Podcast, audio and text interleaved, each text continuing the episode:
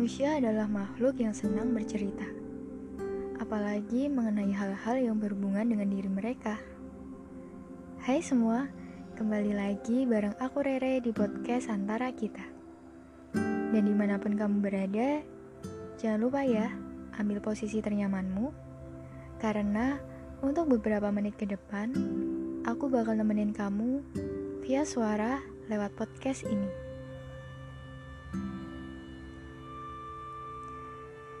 Seringkali kita dihadapkan pada situasi yang membuat kita bertanya-tanya. Seperti ketika chat kita yang panjang, tapi dibalas orang dengan jawaban super singkat, atau cuma dapat stiker doang. Hal sekecil itu sukses bikin kita kesel gak sih? Sampai kita mikir, kok dia kayak gitu ya? Apa ada yang salah dengan kalimat kita? Atau mungkin dia lagi sibuk ya?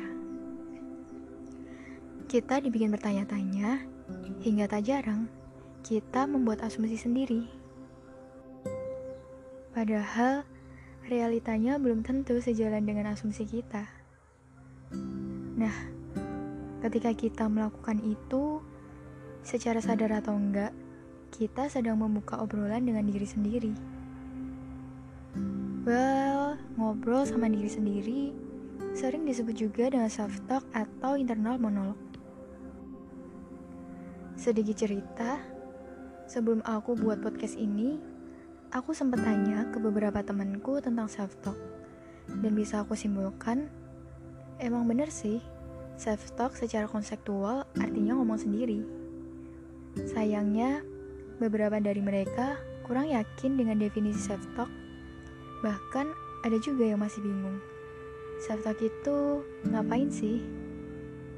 Padahal aktivitas self-talk pasti sering kita lakukan sehari-hari. Entah ketika memikirkan suatu ide, mempertanyakan suatu kejadian, overthinking, atau ketika memotivasi diri sendiri. Kalau kalian gimana? Habis ngobrol apa sama diri sendiri? Masih menyemangati diri kah? Mungkin kemarin adalah hari-hari yang berat buat kita semua, termasuk aku. Dan seperti yang udah aku bilang di episode sebelumnya, bahwa keadaan akan lebih baik ke depannya. Aku percaya kalimat itu. Karena saat aku membuat podcast ini, keadaan sudah lebih baik. Masa-masa berat sudah dilewati. And I'm proud it means that we are getting stronger, right? One thing I keep in mind life is like roller coaster. They are up and down. Sometimes you are scream or just enjoy the ride. And when we at the bottom, it's okay. Why are you worried? The next place is up. Itulah kenapa aku suka self-talk. Menurutku, support sistem utama kita saat ini ya diri kita sendiri. Sedangkan orang lain, entah keluarga, teman, atau pacar, mereka adalah support sistem pendukung kita. Karena ketika kita ada masalah, mungkin kita bisa dengan mudahnya bercerita kepada orang lain untuk bertanya solusi atau pendapat. Tapi pada akhirnya, kita sendiri nggak sih yang harus memutuskan untuk mengikuti saran mereka atau tetap mencari jalan lain yang terbaik untuk kita. Self-talk juga biasanya bergantung dengan pemikiran kita. Ada satu artikel yang aku baca. Judulnya, apa yang kamu pikirkan menentukan apa yang kamu rasakan dan apa yang akan kamu lakukan. Dari artikel itu, bisa aku ambil kesimpulan bahwa kita harus selektif dalam berpikir. Pemikiran-pemikiran ini dapat mempengaruhi bagaimana kita dalam self-talking, entah self-talk negatif atau self-talk positif. Belajar dari pengalaman, ketika aku menghadapi hari yang berat itu, fase pertama yang aku lalui adalah fase di mana aku down dan ketika itu, self-talk yang sering aku lakukan adalah self-talk negatif. Aduh, kayaknya aku nggak bisa deh. Ini kalau nggak selesai, gimana ya? Pemikiran-pemikiran seperti itu semakin membuat down dan takut. Lalu fase kedua adalah fase di mana aku mulai bangkit. Memang tidak mudah untuk membangkitkan diri sendiri. Tapi saat inilah positive self-talk become my life saver.